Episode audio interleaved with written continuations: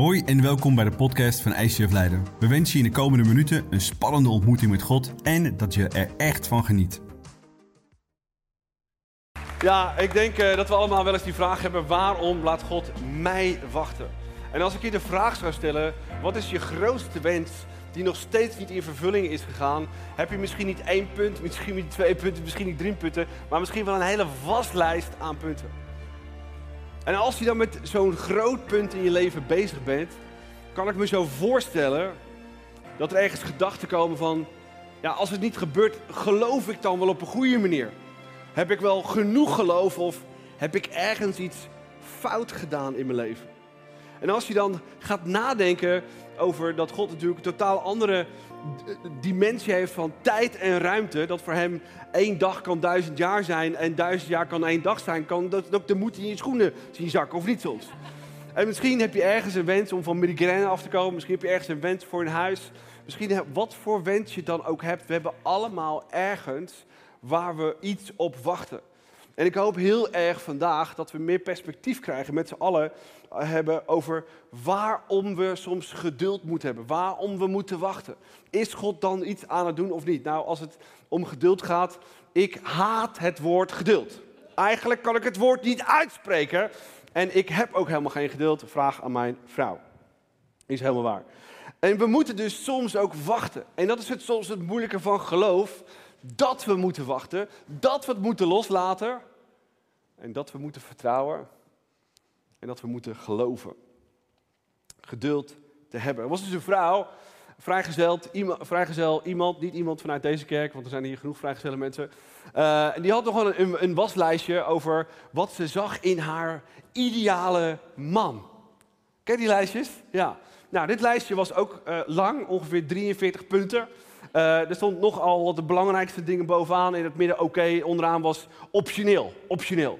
Um, en na tien jaar kwam ze erachter dat ze nog steeds geen man had. Toen dacht ze, nou misschien moet ik het lijstje wat simpeler maken. En ze kwam erop uit, het moet een man zijn en hij moet kunnen werken. En soms moeten we onze wensen misschien ook een beetje downgraden. Um, of juist upgraden en geloven in een ongelooflijk groot God en wat Hij en in ons leven kan doen.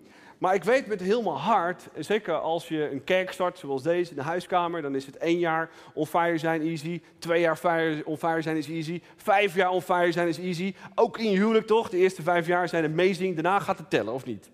Ja, komen er barstjes, wordt het wat moeilijker, uh, komen er uitdagingen, komen er wrijving dingetjes. Iemand? Klinkt bekend? Ja, oké. Ik ben twintig jaar getrouwd uh, en we doen het nog steeds fantastisch. Hoe cool is dat? Maar dat gaat niet vanzelf. En we moeten daarmee dealen om op een hele goede manier daarmee om te gaan. En ik heb een voorbeeld genomen. En ik denk dat we allemaal wel, wat je ook gestart bent in je leven, ergens on fire kunt zijn. Toch? Dag is easy, twee dagen is easy, jaar is easy. Vijf jaar, dan wordt het inderdaad al wat moeilijker. En dan komen er uitdagingen, of er komen er wensen, of er komen er dingen die, ja, dit is bijna onoverkomelijk. En dan is het soms nog wel easy om dat, dat, dat vuurtje, oké, ik, steek hem, oké, ja, ik, ik voel het niet, maar ik, ik, ik kan nog wel iets in mij halen, ken je zo'n dag? Dat ik hem nog wel aan kan steken. Maar op een gegeven moment kom je zo dicht bij jouw uitdaging terecht, zo dicht zelfs, dat je er niet meer mee kunt handelen, dat je uitdaging groter wordt dan God. En je vuur is? Uit. Wat doe je dan? Ja, je komt er misschien achter dat je inderdaad denkt voor oei, oei ja, ik heb me iets te veel mee laten slepen. Het, is nu echt, vuur is nu echt uit. Je probeert heel erg te geloven, je probeert heel erg te bidden, je gaat heel erg de Bijbel lezen, toch? Om hem aan te krijgen. En niets helpt. Ken je dat? Ik ken dat in mijn leven. Dat je soms zo teleurgesteld bent, dat je je vuur letterlijk kwijt raakt. En dat maakt niet uit wat je doet, je bent het kwijt.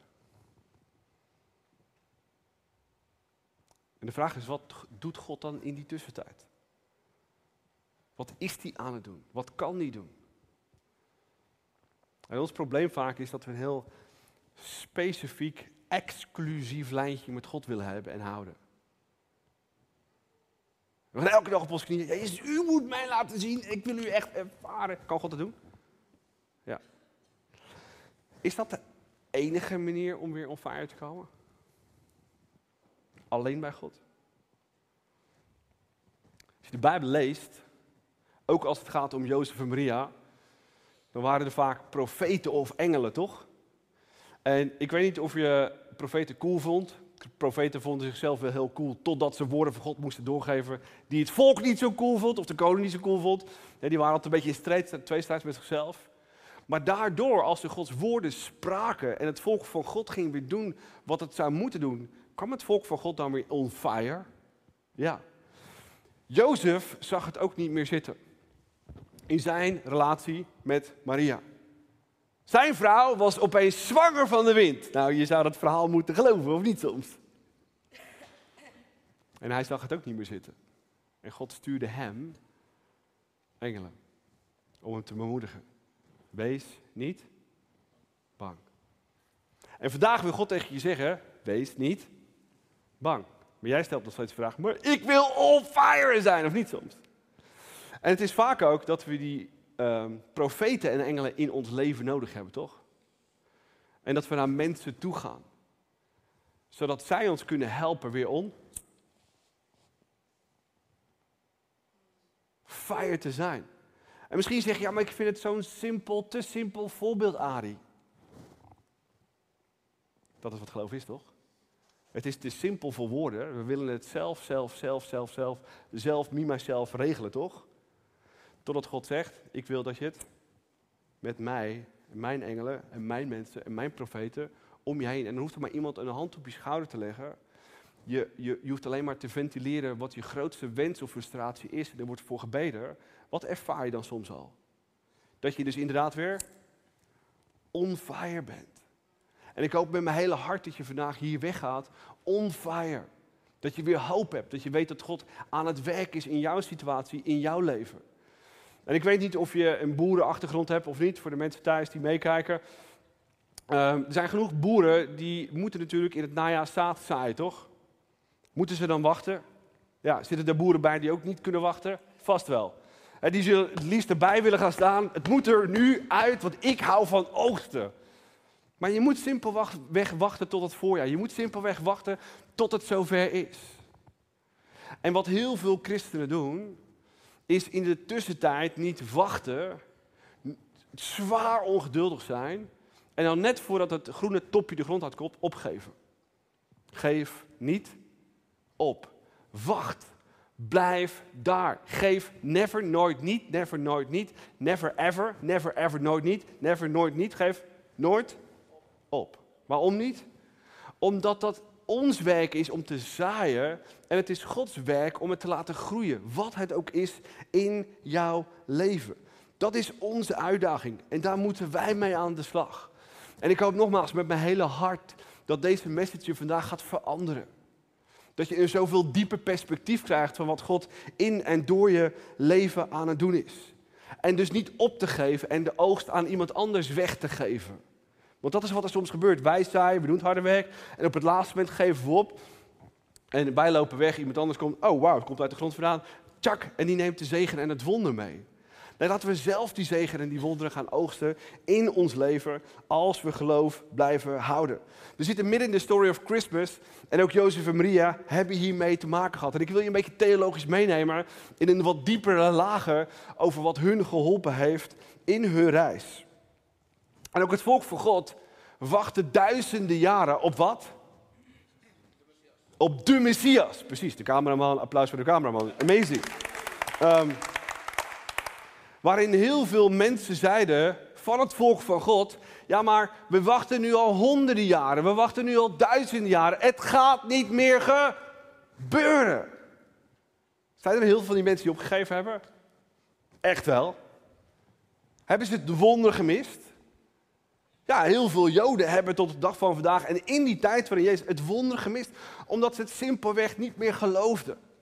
Of dat ze zo religieus waren dat ze het niet meer zagen wat God aan het doen was. Hoe sneu kan dat zijn? Maar wat hun kan overkomen, kan ook ons overkomen. En we moeten kosten wat kost zien te voorkomen dat dat ons raakt en dat we dat wonder missen in ons leven. Ze moesten wachten. En in dat kerstverhaal lezen we dat ook. Laten we daarnaar luisteren. Toen hij dit overwoog, verscheen hem in een droom een engel van de Heer die zei: Jozef, zoon van David, wees niet bang je vrouw Maria bij je te nemen, want het kind dat ze draagt is verwekt door de Heilige Geest. Ze zal een zoon baren. Geef hem de naam Jezus, want hij zal zijn volk bevrijden van hun zonde. Dit alles is gebeurd omdat in vervulling moest gaan wat bij monden van de profeet door de Heer is gezegd. De maagd zal zwanger zijn en een zoon baren, en men zal hem de naam Immanuel geven, wat in onze taal betekent: God is met ons. Wauw. Zoveel mensen hadden de gelegenheid om God te ervaren. Maar er waren al zoveel mensen die het niet hadden gehoopt, de hoop hadden opgegeven en nooit echt kerst hebben kunnen ervaren met die echte fantastische Jezus als baby. En wat hun kan overkomen, nogmaals, kan ons ook overkomen. En laten we er kijken naar de eerste gedachte. En de eerste gedachte is, terwijl ik wacht, werkt God op de achtergrond. Terwijl ik wacht, werkt God op de achtergrond. Heb je daar geloof voor nodig? Het is wel degelijk dat je daar geloof voor nodig hebt. We hebben allemaal geloof nodig om dat echt te geloven. En misschien zeg je, ja, als je dat geweten had. Ja, maar dat is wat geloof is. Dat God op de achtergrond aan het werken is. En soms moeten we een beetje uitzoomen. Uit het me, myself en I. Hoe lang leven wij? Nou, ik zeg altijd 100 jaar. De Bijbel zegt eer je vader en moeder en je leeft lang. Nou, 100 jaar lijkt me een fantastisch verhaal. En ik eer mijn vader en moeder, dus laten we daar geloven dat God bij zijn woord uitkomt. Maar wat is mijn leven? Ja, mijn leven doet ertoe voor mijn generatie. Met wat ik kan doen. En wat, wat ik kan, voor Jezus kan doen om mijn mensen te bereiken voor mijn leeftijd. Maar God is al duizenden jaren aan het werken. Soms moeten we uitzoomen om te zien dat God al duizenden jaren aan het werk is. Dat we één radertje, een belangrijk radertje zijn in het grotere geheel. stel dat je ergens iemand bij het vliegveld moet ophalen. Iemand wel eens gedaan? Schiphol? Ja, we wonen er 20 minuten vandaan. Hoe cool is dat? We hebben het allemaal gezien, al meegemaakt. Stel je hebt afgesproken op een bepaald tijdstip, dat vliegtuig komt aan, maar er zijn geen informatieborden daar. Hoe zou je je voelen? Nou, ik zou me radeloos voelen, want als ik het vliegveld oploop, is het eerste wat ik doe, is naar zo'n bord toe lopen. stel nou dat het vliegtuig vertraging opgelopen heeft. En je weet niet dat dat zo is. En je wacht, en je wacht, en je wacht, en je wacht. Wil dat dan zeggen dat er niks aan de achterkant gebeurt? Wil dat dan zeggen dat er geen piloot, geen vliegtuig, geen passagiers, geen vriend of vriendin is die dan aankomt? Wel degelijk, je weet simpelweg niet die informatie die je op dat moment nodig hebt om te weten. En dat is wat we soms nodig hebben, een grote perspectief in ons leven om te snappen dat God aan het werk is. Hij vertelt het je niet, maar hij wil wel dat je het vertrouwt dat hij aan het werk is. En zo was het ook bij Jozef en Maria. De aller, aller, allereerste Bijbeltekst over Jezus was al aan het begin van de Bijbel, in Genesis. Hoe cool is dat? Daar begon kerstmis al. Ik weet niet hoe jouw kerstmis eruit ziet, of het cool vindt of niet, of het leuk vindt of niet. Maar kerstmis begon al in Genesis. En we lezen het in Genesis 3, vers 15. Vijandschap sticht ik tussen jou, dat was de duivel, en de vrouw, de moeder van Jezus. Tussen jouw nageslacht en het haren. Dat verbrijzelt jouw kop. Als je je kop verbrijzelt ben je dan dood? Game over. Ja, en de duivel zal uiteindelijk Jezus in zijn hiel bijten. Kom je daar wel overheen? Wel degelijk, zeker. Nou, dat is waar je ziet dat die, dat die redder al beloofd werd aan het begin van de Bijbel. En dat geeft ons dus hoop om te weten dat God daar al bezig was met het redden van de mensheid en het, ook het redden van jouw leven. Als je mens bent. Ben je mens? Ja, aliens hier in de zaal, misschien thuis, you never know. Oké, God wist dus dat zonde vergeven moest worden. Dat we een redder nodig hadden. En hij was dus al sinds het begin van de tijd daarmee aan de slag. En dat is het grote wonder. Het wonder is niet dat de duivel je te pak heeft. Het wonder is dat God je kan redden. Dat hij oplossingen kan geven in en door je leven. Een paar honderd jaar later, 700 jaar voor Christus, was daar de fantastische profetische uitspraak van Jezaja. Laten we luisteren wat hij profeteerde. Toen hij dit overwoog, verscheen hem in een droom een engel van de Heer die zei: Jozef, zoon van David, wees niet bang je vrouw Maria bij je te nemen, want het kind dat ze draagt is verwekt door de Heilige Geest. Ze zal een zoon baren. Geef hem de naam Jezus, want hij zal zijn volk bevrijden van hun zonde. Dit alles is gebeurd omdat in vervulling moest gaan wat bij monden van de profeet door de Heer is gezegd. De maagd zal zwanger zijn en een zoon baren, en men zal hem de naam Immanuel geven, wat in onze taal betekent: God is met ons. En het vers wat we nodig hadden was natuurlijk Jezaja. Daarin staat, daarom zal de Heer zelf een teken geven. De jonge vrouw is zwanger, zij zal spoedig een zoon baren en hem Immanuel noemen. Laten we Jezus een applaus geven. Dat 700 jaar voordat hij geboren werd al daarover geprofiteerd was. Zien we daarin Gods hand zo dik in de geschiedenis. Dus eerst al aan het begin van de mensheid in Genesis lezen we, er komt een redder. Dan 700 jaar voor Christus zegt Isaiah, er komt een redder. Dan een paar honderd jaar later, 400 jaar voordat Jezus geboren zou worden, lezen we in Malachi dat Jezus daadwerkelijk geboren zou worden. We zien hier door de eeuwen heen dat God aan het werk is op de achtergrond.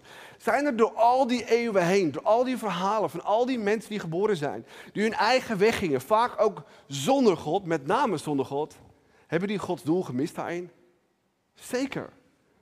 Hadden ze daarin de hartslag van God, van God kunnen ervaren, zoals Abraham, Isaac en Noach dat deden? Als we niet uitkijken, dan zijn we zo met onszelf bezig. Me, myself en I. En we missen het grootste wonder. En uiteindelijk is het 400 jaar na Malachi, is het zover en de tijd was rijp om datgene te laten plaatsvinden wat moest plaatsvinden. Wat een fantastisch ding is dat. En dat die zou komen en dat we dat door hadden, is fantastisch. Laten we naar het volgende vers luisteren, gelaten 4, hoe belangrijk timing was. Maar toen de bestemde tijd gekomen was, zond God zijn zoon geboren uit een vrouw en onderworpen aan de wet, om ons, die aan de wet onderworpen waren, vrij te kopen, opdat wij als kind aangenomen zouden worden. En omdat u zijn kinderen bent, heeft God in ons hart de geest van zijn zoon gezonden, die Abba Vader roept. U bent nu dus geen slaven meer, maar kinderen en als zodanig erfgenamen dankzij God. Wauw, ongelooflijk. De bestemde tijd, oftewel de juiste tijd. Wat is volgens jou de juiste tijd? Durf je te zeggen, mijn tijd is de juiste tijd. Wat zegt God? In zijn al zijn wijsheid en al zijn grootheid. Mijn tijd is de juiste tijd. Mijn vraag is, kun je daarmee leven? Dat is de grote vraag. Dat is de grote vraag. Kun je daarmee leven? Ongelooflijk. Want ook hier was God door de eeuwen heen iets aan het doen. En de grote vraag is, wat was hij aan het doen? Nou, eerst iets theologisch. Er staat iets cools. De bestemde tijd in het Grieks was pleroma tau chronau. Chronau is tijd. Het moest de juiste tijd zijn. En laten we in een clip gaan kijken wat God door de eeuwen heen aan het klaarmaken was, zodat Jezus kon geboren worden, maar dat het daarna ook alles in al zijn volheid door heel de wereld verspreid kon worden. Laten we kijken.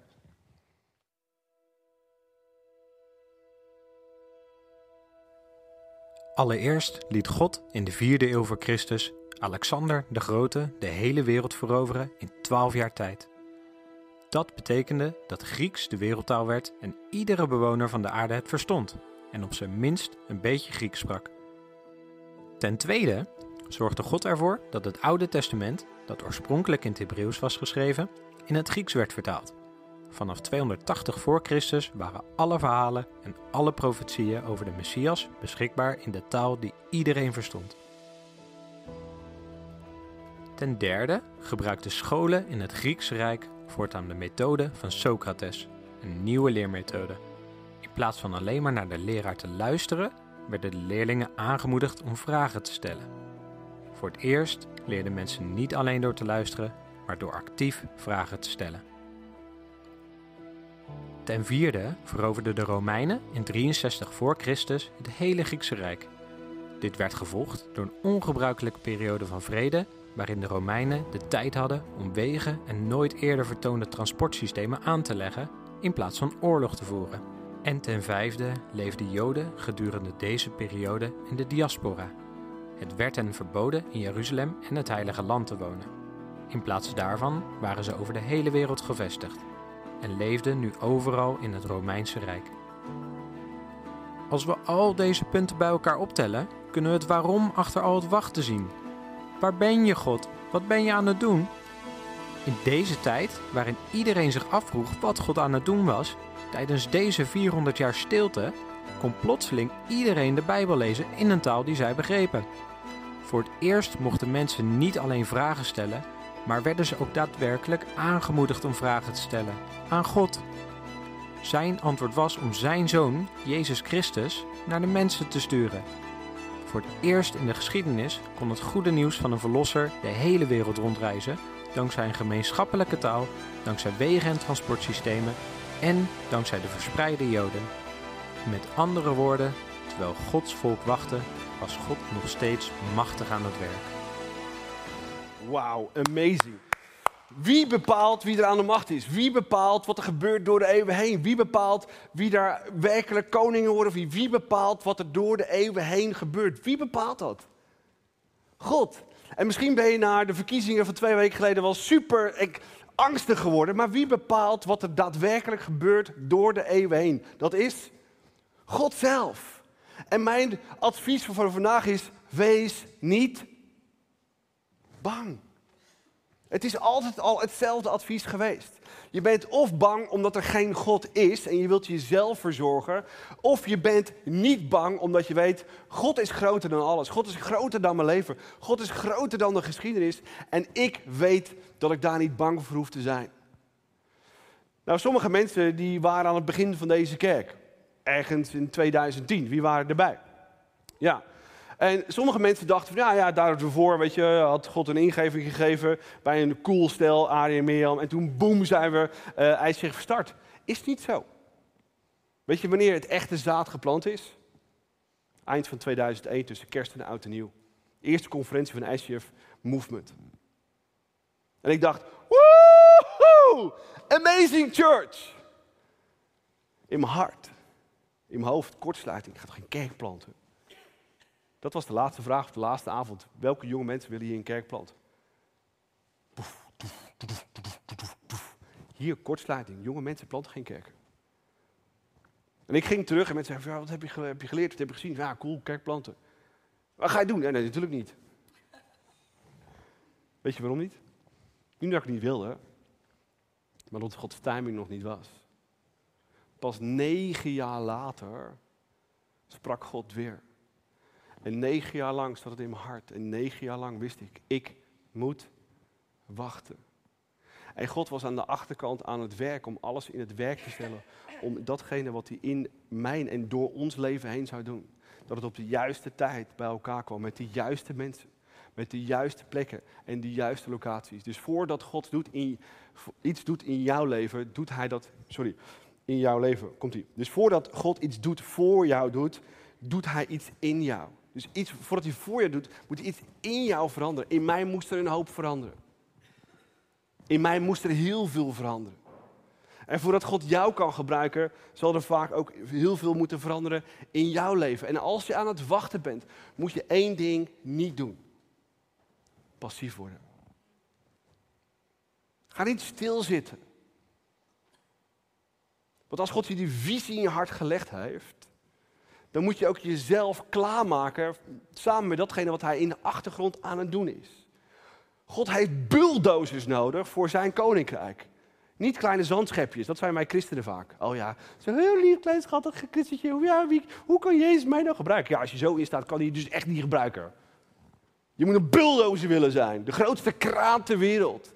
Die de grootste dingen kan verzetten voor Jezus. Wat heb je dan nodig? Je hebt... Ja, ik heb geen microfoon, normaal maakt herrie. Je hebt kennis nodig. Je hebt skills nodig. Wat ik in een week kan verzetten aan presentaties en inhoud. En, en het maakt niet uit. Dat doen sommige mensen tien jaar over. Weet je waarom ik dat kan? Omdat ik het geleerd heb. Ik heb niet stilgezeten. En er zijn zoveel mensen en leiders in deze kerk die hebben geleerd om leiding te geven. Hebben geleerd om skills te ontwikkelen. Die hebben geleerd om echt bulldozers te zijn voor Jezus. Zit niet stil. Ontwikkel jezelf. Zodat als de tijd rijp is, God kan zeggen, boom, go for it. En dat hij je echt kan gebruiken voor een groter doel. En dat wil hij ook graag, maar ga niet stilzitten. En dat is hetzelfde met deze locatie. Wie was er bij de allereerste locatie van ICF? Ja, dat was een Insblauwe locatie, maar niet op de Haagweg. Daarvoor was nog een locatie. Uh, dat was de Hunkerbunker. Uh, ja, sorry. Daar werden allemaal uh, verpleegstertjes opgeleid. Ja, die waren vrijgezel, die hunkerden naar bepaalde dingen. Ze noemen dat de Hunkerbunker. Heb ik niet, heb ik niet zelf bedacht, hè. Dat, dat was gewoon... heb je daar ook gehunkerd, Matt? Je hebt er ook nog een tijdje gewoond, ja. Matt heeft daar ook gewoond, ja. Dat was ook profetisch. Hij kende verhalen, oké, hij kan bevestigen, oké. Um, en we, we, zaten daar zo. Dat was, het, dat was uh, volgens sommigen de beste plek die we ooit gehad hebben. Voor mij was het de slechtste plek. Ik, elke keer als ik naar binnen liep, jongen, echt mijn hart brak in duizend brokken. Buiten de stad, buiten het centrum. Het zag er niet uit, echt. Ik ging helemaal dood daar zo. Wat moest er dood in mij? Me, myself en I. Want God heeft locaties nodig, maar bovenal mensen die geloof hebben. En weet je hoe onze eerste kerst eruit zag? Dit was vet, voor de mensen die het weten. De dag voor kerst was de cv-ketel geëxplodeerd in het pand. Zo goed was het pand. En we, dat was de eerste Christmas experience. Begon met een big, big bang. Ongelooflijk. En we zaten daar met onze winterjassen aan. Zo koud was het daar binnen. En ook al die jaren daarna. En ook de afgelopen twee jaar, waarin we voor die vaccinatiestraat ruimte hebben moeten maken, zijn we vijf keer verhuisd in anderhalf jaar tijd. We zijn hier niks voor niks gekomen. God is al die jaren aan het werk geweest. En God is ook in jouw leven aan het werk. En geef niet op. En ga ook niet stilzitten. Ontwikkel jezelf. En bij Jozef in het Oude Testament lezen we eigenlijk precies hetzelfde. God wilde iets groots doen door Jozef zijn leven. Maar hij had nog een aantal issues waar hij aan moest werken. Dat die issues groot waren, dat blijkt wel. Laten we daarnaar luisteren. Jozef zei tegen hem: Dat moet zo worden uitgelegd. De drie ranken zijn drie dagen. Over drie dagen zal de farao u een hoge plaats geven en in uw ambt herstellen. En dan zult u de farao zijn beker weer aanreiken, zoals voorheen, toen u zijn schenker was. Ik hoop dat u aan mij zult denken als het u straks goed gaat. Dat u mij dan een dienst wilt bewijzen, door de aandacht van de farao op mij te vestigen en ervoor te zorgen dat ik vrijkom. Want eerst ben ik ontvoerd uit het land van de Hebreeën. En daarna hebben ze me hier in de kerken geworpen. Zonder dat ik ook maar iets heb misdaan. Weet je wat de achternaam van Jozef was? Me, myself en I. Het ging alleen maar om hem.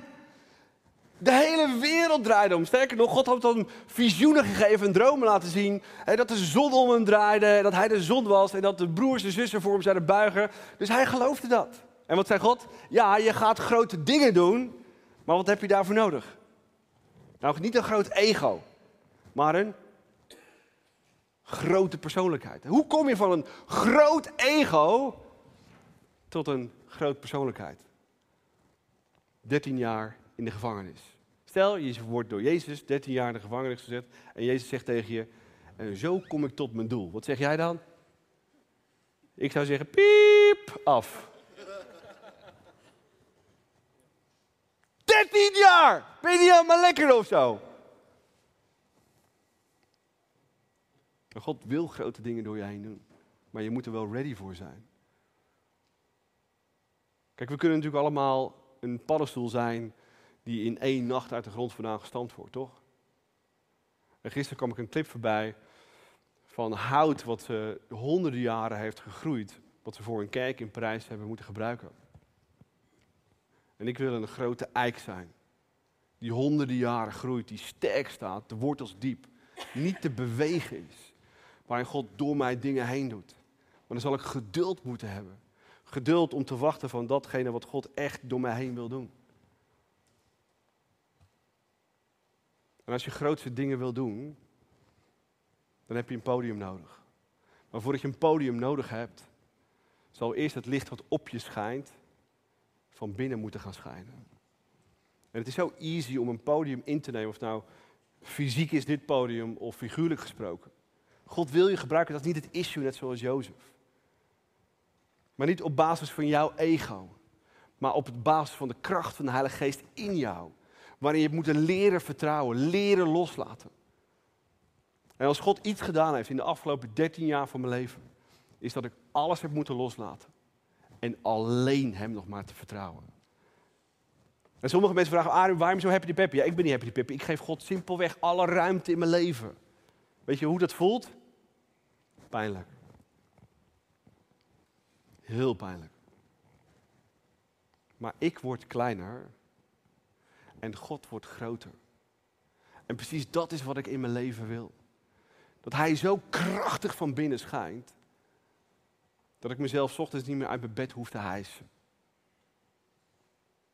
Het gaat automatisch. En jij, je zult dingen moeten laten afsterven in je leven. Zodat Hij groter wordt in en door je leven. Laten we lezen wat er in gelaten staat. Laten we daarom het goede blijven doen. Zonder op te geven. Want als we niet verzwakken, zullen we oogsten wanneer de tijd daarvoor gekomen is. En misschien ben je ergens je passie kwijtgeraakt. Misschien heb je dat vuur niet meer.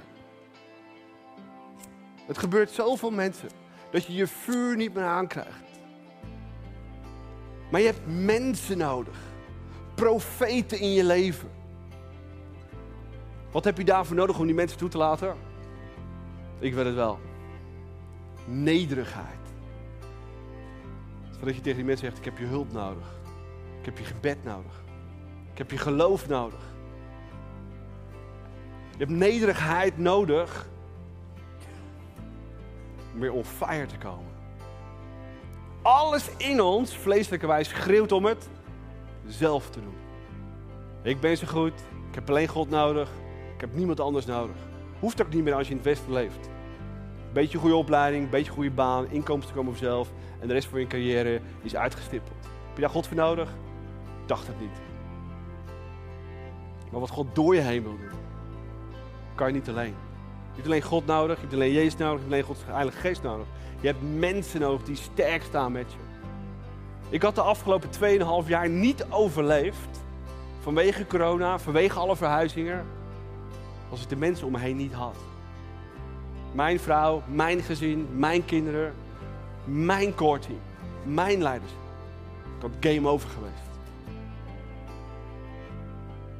Maar die hulp toe te laten in je leven is taf. En ik hoop met heel mijn hart dat je die hulp wil toelaten in je leven. Om sterk te staan. Zodat je on fire blijft voor jou, Jezus. Zodat hij je gebruikt, zodat je terug kunt kijken op je leven. Over wat hij gedaan heeft. En het is easy om op te geven, toch?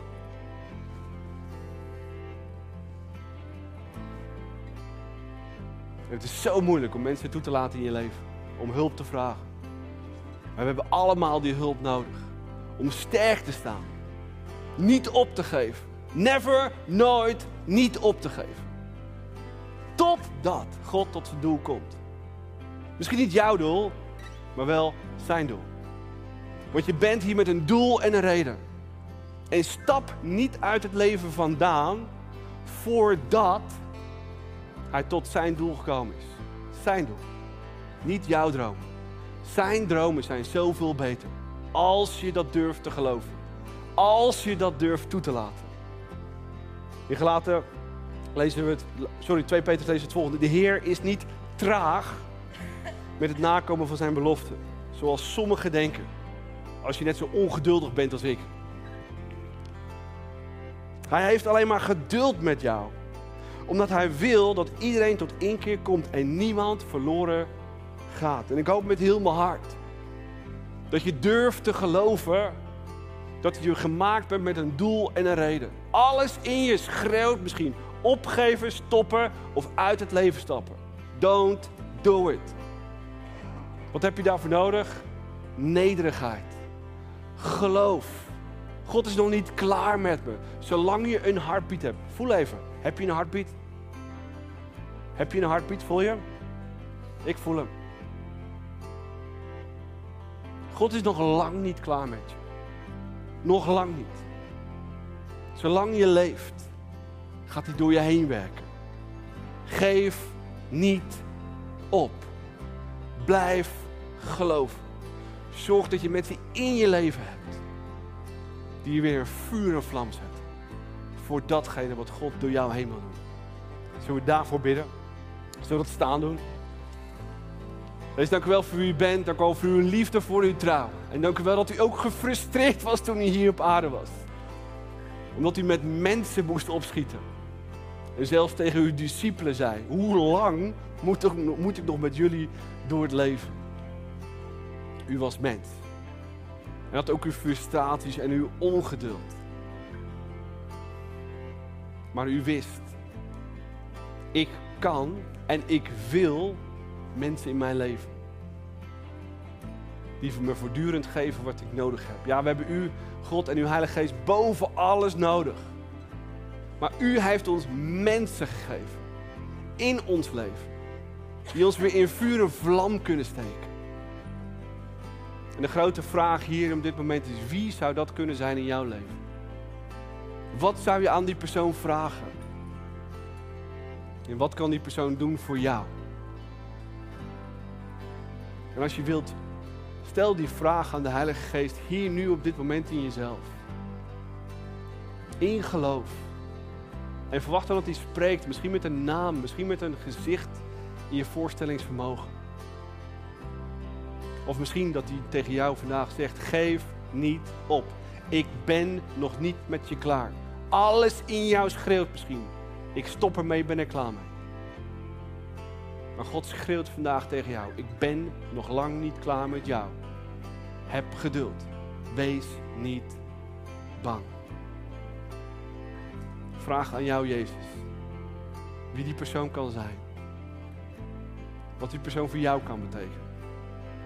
Om in een vuur en vlam te komen.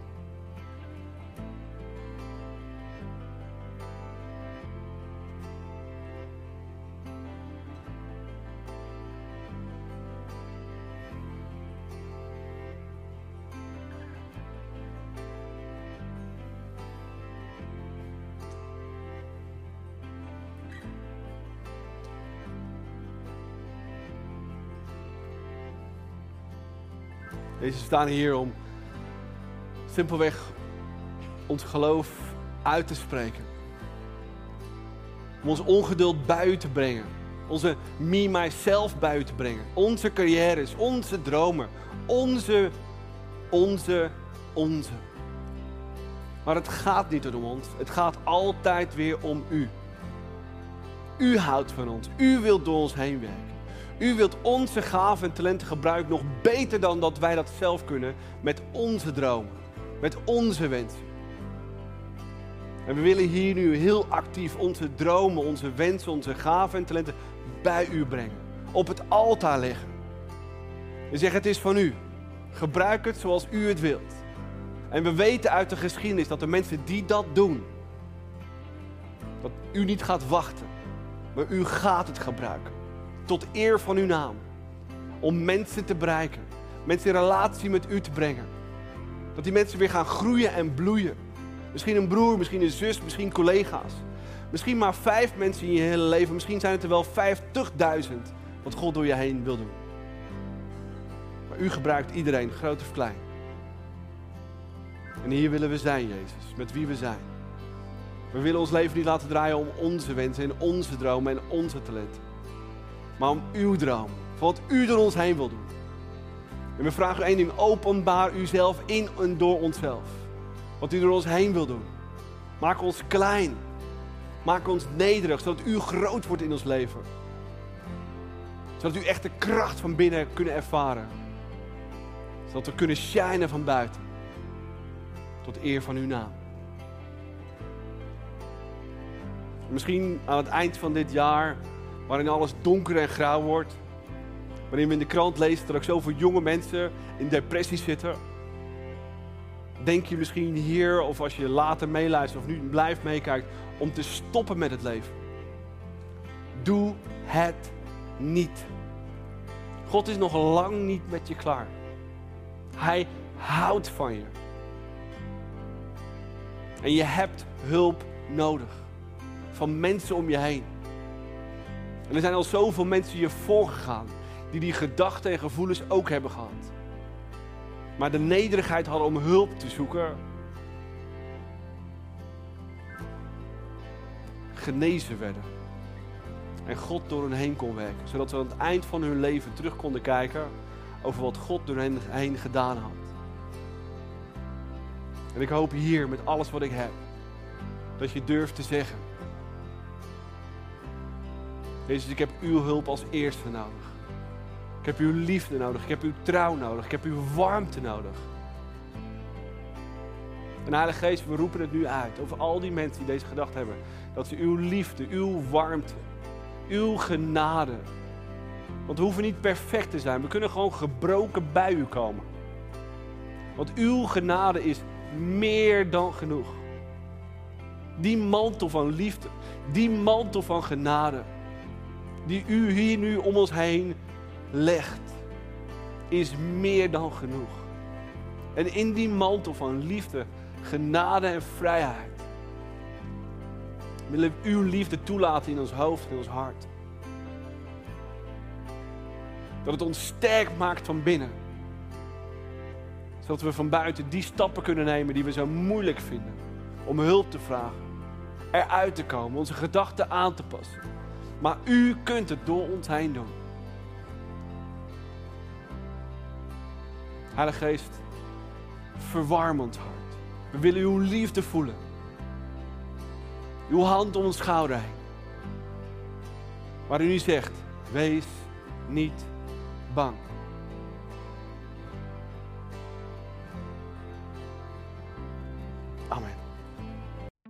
Wij hopen dat deze podcast je heeft geïnspireerd en verder geholpen heeft in je relatie met God. Wanneer deze podcast je geraakt heeft en je de inhoud ervan wilt helpen verspreiden, deel dan deze aflevering op jouw favoriete social media platform. Op deze manier horen meer mensen over Jezus en deze boodschap van hoop. Je kunt ons ook financieel ondersteunen, waardoor we een maximaal bereik krijgen op het internet en nog meer mensen nieuwe hoop krijgen. Bedankt voor alles wat jij mogelijk maakt. We geloven dat kerk een familie is, dus of je nu live erbij bent of online meeluistert, we willen jou graag persoonlijk leren kennen. Als we jou persoonlijk verder kunnen helpen, dan horen we dat graag. Check voor info en meer mogelijkheden op onze website. Fijne dag.